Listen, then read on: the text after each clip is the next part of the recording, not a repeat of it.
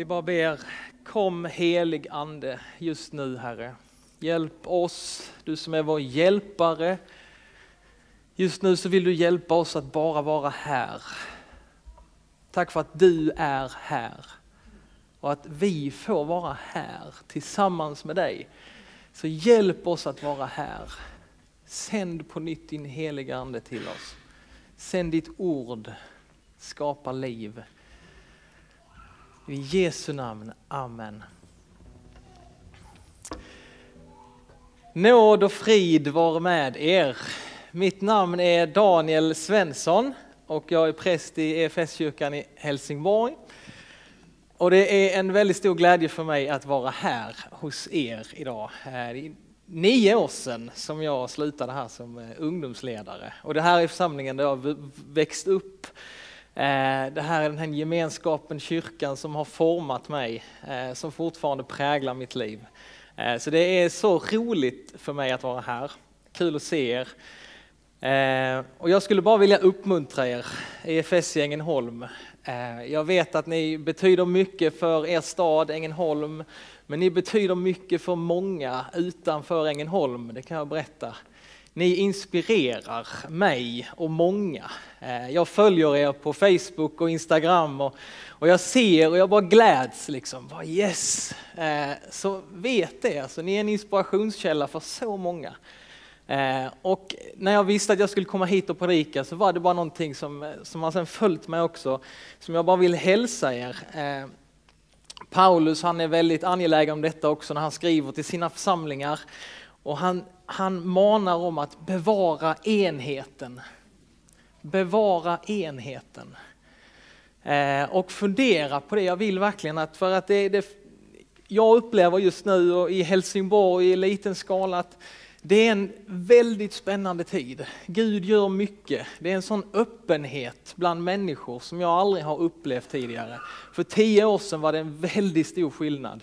Men det finns en sån öppenhet och det händer saker i vårt land idag som jag bara tycker är helt fantastiskt. Eh, men då är det också när fler och fler kommer till kyrkan och man blir en större gemenskap den onde djävulen, han har en ingång i varje hjärta för att försöka splittra och söndra det som Gud gör. Och jag kände bara det, att jag ville säga det till var och en av er. Fundera på vad är det som främjar enheten? Ehm. Så ta det till er, det var första hälsningen. Vad är det som främjar enheten? För det är ju så, va? det är mycket saker som man kan ägna sig åt. Och ska vi göra detta? Och jag gillar inte det och jag gillar inte det. Och att vara i en församling är ju liksom en ständig kompromiss på något sätt. Men fundera på det, vad är det som främjar enheten? Eh, så att vi kan stå eniga, den enhet som inte bara kommer på att vi ska vara trevliga, utan den enhet som finns i den helige Ande och som han vill skapa här. Yes, vi lever i en spännande tid just nu också i kyrkoåret. Vi lever i tiden mellan Kristi himmelsfärdsdag och pingsten. Eh, och då på den tiden va, med Jesus och lärjungarna så var det så här att Jesus han åkte upp till Fadern i himlen men innan dess så sa han vänta nu här. Han sa inte hur länge de skulle vänta men han sa vänta här och be. För jag kommer sända er hjälparen, jag kommer sända er den heliga ande. Så vänta, snart kommer någonting. Och de visste ju inte vad är det som ska komma. Men ni ska bli fyllda av kraft från höjden när den helige ande kommer över er. Och de samlades, en liten skara var tillsammans, de, de var nära varandra och så levde de i den här väntan och i den här förväntan på den heliga Ande. Och kristna har genom alla tider tagit den här tiden på året och avskilt den just för bön och förväntan. Att den här tiden mellan Kristi him och pingstdagen, att den ska få präglas också våra liv idag med bönen Kom helig ande. Vi vill ha mer av dig. Helig ande kom. Tillsammans med lärjungarna, tillsammans med hela din kyrka så väntar vi nu och vi längtar efter mer av dig. Så eh, låt oss nu denna veckan fram till pingstdagen få ha den här bönen och sen fortsätter vi ha den tycker jag alltid, varje dag. Bönen kom helig ande. Jag vill ha mer av dig i mitt liv. Nu ska vi läsa ifrån eh, Saltaren 104. En bibeltext som, jag, som gärna får prägla den här gudstjänsten. Det står så här. Alla sätter sitt hopp till dig. Du ska ge dem föda i rätt tid. Du ger dem och de tar emot. Du öppnar din hand och de äter sig mätta. Du döljer ditt ansikte, de blir förskräckta. Du tar ifrån dem deras ande och de dör och blir åter till mull. Du sänder din ande, då skapas liv. Du gör jorden ny. Ja, vi ber än en gång, kom heligande. Sänd din heligande till oss just nu.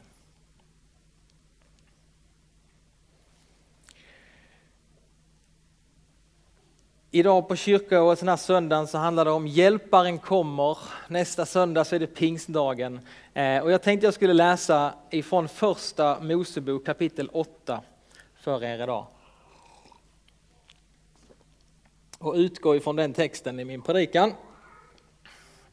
Och där står det så här. Det är Noa, det handlar om Noa och arken. Och det står så här i Jesu namn. Sedan släppte han, Noa, ut en duva för att se om vattnet hade sjunkit undan från marken. Men duvan fann ingen plats där den kunde vila utan återvände till honom i arken eftersom det stod vatten över hela jorden. Då sträckte Noa ut handen och tog in duvan till sig i arken. Han väntade sju dagar till, sen släppte han ut duvan ur arken ännu en gång om kvällen kom den tillbaka till honom och då hade den ett friskt blad från ett olivträd i näbben. Då förstod Noa att vattnet hade sjunkit undan från jorden. Han väntade sju dagar till, sedan släppte han ut duvan igen. Och nu kom den inte mer tillbaka till honom. Alltså Bibeln är en helt fantastisk bok. Jag bara älskar hur den hänger ihop på ett så häftigt sätt. Jag älskar de stora linjerna som finns där som dras mellan gamla testamentet och nya testamentet. Hur allting bara byggs upp liksom fram till Jesus Kristus och fram till pingstdagen då den heliga ande sänds ut till alla människor. Alltså det är ett sånt fantastiskt skeende. Eh, på pingstdagen då lagen inte längre skrivs på tavlor av sten utan som ska skrivas i våra hjärtan. Då Guds ande inte bara bor i ett tempel utan han ska bo i våra hjärtan. Eh, och nu har vi läst den här texten om Noa, hur han sänder ut duvan från arken. Regnet hade slutat regna över jorden och vattnet började sjunka undan. Och den här berättelsen om hur Noa sänder ut duvan från arken, den har läst av kristna i alla tider som en bild på hur Gud vid tre tillfällen sänder sin ande ut över världen. Ni kanske vet det, duvan är en bild på den heliga ande.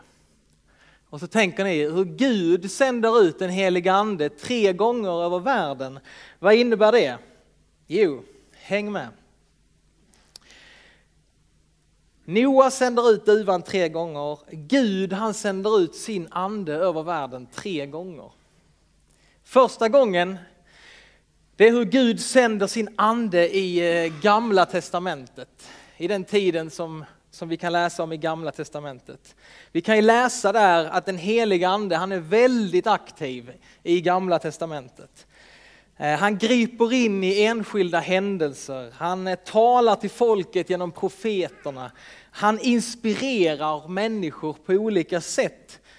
Men på samma sätt som den första duvan så finner inte den heliga ande någon viloplats där han kan slå sig ner. Utan gång på gång så får han återvända till Fadern. Fadern sänder ut anden men den kommer tillbaka.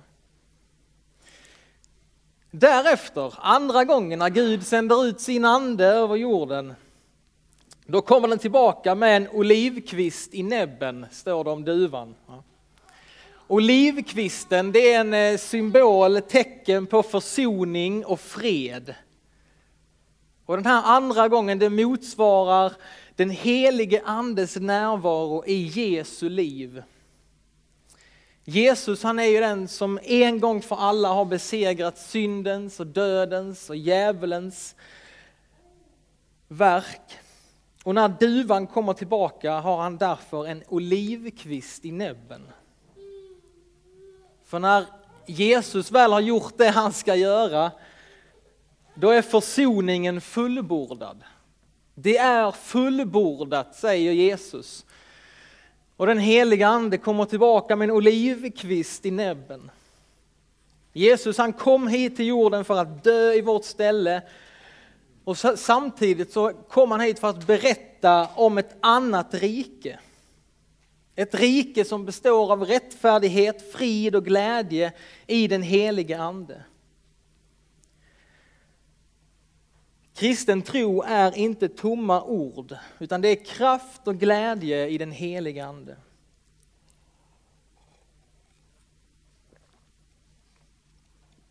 Och vi ser ju Nya Testamentet när Gud sänder sin ande över Jesus. Det står när Jesus döps i Jordan. Vad händer då när Jesus döps? Jo, en duva sänks ner över Jesus. Gud sänder sin ande över Jesus och från den stunden så bodde den helige ande i Jesus. Med hela sin fullhet så fanns den helige ande i honom. Och allt Jesus gjorde, det gjorde han i och genom den helige ande som nu fanns i honom. Jesus han var en människa som vi, han var ingen supermänniska utan han var en människa precis som du och jag. Han delade fullt ut våra villkor. Men det som var skillnaden då det var att han var fylld av den helige ande. Och efter det, efter att han hade blivit fylld med den helige ande, ja då kunde han börja sin verksamhet. Han var ju tyst i typ i 30 år. Och sen i tre års tid, va, då gjorde han det som han var här för att göra. Han började sin verksamhet, men utan den helige ande så var han lika hjälplös som vi, som du och jag. Och när Jesus dör och uppstår och när Jesus återvänder till Fadern, ja men då följer ju den heliga ande med honom. Va? Ännu finns det ingen boning, det finns ingen plats där den heliga ande kan bo, där han kan vila sig. Anden återvänder till Fadern, men med en olivkvist i näbben. Noa, han sänder ut anden en tredje gång. Och nu kom den inte mer tillbaka till honom. Nu kom den inte tillbaka. För tredje gången så sänder Gud sin ande till jorden. Och detta gör han på pingstdagen. Anden sänds till jorden för att förbli på jorden och för att bo ibland oss människor. Jesus han säger om honom när han talar om honom, han, sanningens ande, han ska vara hos er för alltid andens boning, den är, det är inte längre himlen utan det är jorden. Och var blev nu platsen för den helige ande att kunna slå sig ner? Var blev platsen där anden kunde vila? Jo, Jesus säger till lärjungarna, anden kommer att vara i er. Där är platsen. Han kommer vara i er. Duvan återvänder inte till arken, anden återvänder inte till Fadern. Han har funnit sin viloplats i våra hjärtan. Och detta är, detta är helt hisnande. Och det är dags för oss att börja tro på det, eller hur? Samma ande som tog sin boning i Jesus Kristus, samma ande bor nu i mitt liv och i ditt liv. Nu ska Paulus få be för oss. Han skriver så här i Efesobrevet 1. Så ber Paulus så här.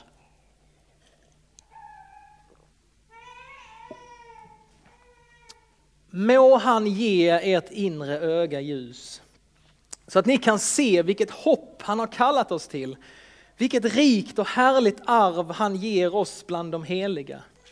Hur väldig hans styrka är för oss som tror, samma oerhörda kraft som han med sin makt lät verka i Kristus när han uppväckte honom från de döda och satte honom på sin högra sida i himlen. Så från och med pingstdagen så har andens tid brutit in med full kraft i världen. Genom kyrkan, genom sin församling så verkar han än idag. Anden kommer till oss på samma sätt som han gjorde med Jesus. Just nu så lever vi i andens tid. Vissa av er, ni kanske ville vara med på Jesu tid. Ni kanske tänker att det var lättare att tro då, enklare det att se på honom. Det, det verkar ju inte så när man ser på lärjungarna. Jesus han säger att vi, vi ska göra till och med större saker än vad han gjorde. Tillsammans med den heliga ande. Och vi tänker, ja ja, det händer ju inte. Jo, det händer faktiskt idag. Tänk själva, alltså idag så blir fler botade än under Jesu treåriga verksamhet. Många av er har tänkt att fler blev botade då och nu blir inte så många botade. Det är fel. Det är fler som blir botade idag genom den helige ande än vad det var när Jesus vandrade här på jorden. Tro inte att det är motsatt. Idag blir fler botade av honom inte färre. Idag sker fler mirakel världen över än på Jesu tid. Idag har evangeliet nått längre än på Jesu tid. Idag tar ungefär 90 000 människor emot Jesus som sin personliga frälsare. Halleluja! Ja. 90 000, alltså varje gång en människa kommer till tro på Jesus, det är ett mirakel av den Helige Ande. Idag sker 90 000 mirakel där människor liksom får vänder sig om och börjar följa Jesus. Tro inte att det sker, att det skedde mer då.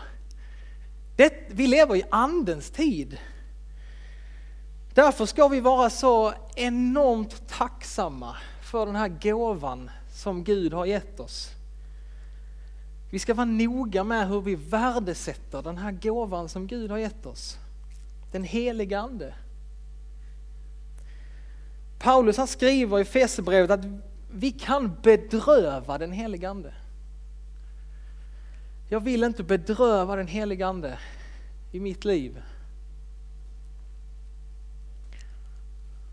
Det står att vi kan utsläcka anden, skriver Paulus.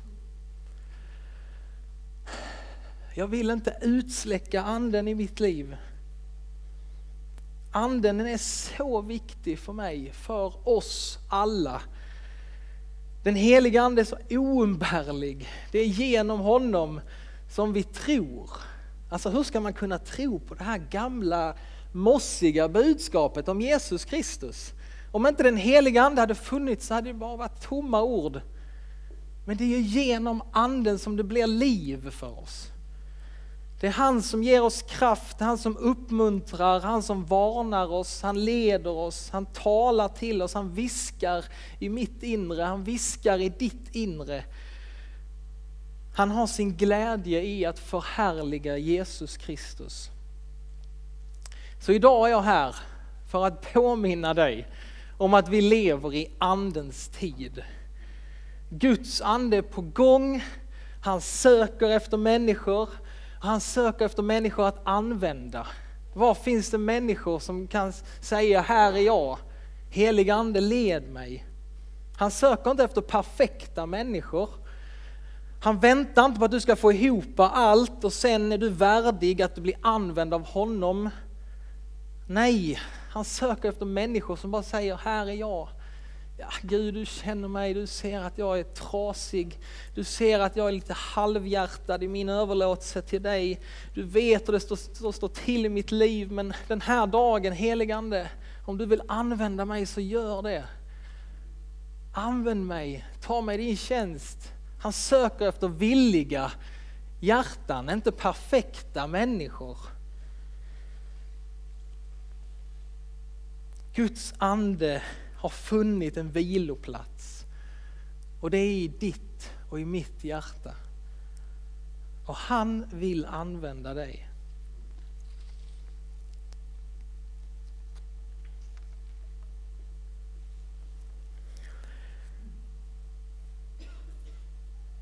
Jag känner i alla fall för mig själv ett behov. Vi ska nu få be, vi ska rikta våra blickar mot brödet och vinet som vi ska få ta emot eh, och vi ska få be en bön om förlåtelse. Och jag känner i alla fall i mitt eget liv att jag behöver be en förlåtelse, att jag inte varit nog tacksam och värdesatt en helig ande i mitt liv. Eh, men låt oss be, ta en stund i stillhet och vi får överlåta oss på nytt till Gud. Och så får vi be en gemensam syndabekännelse.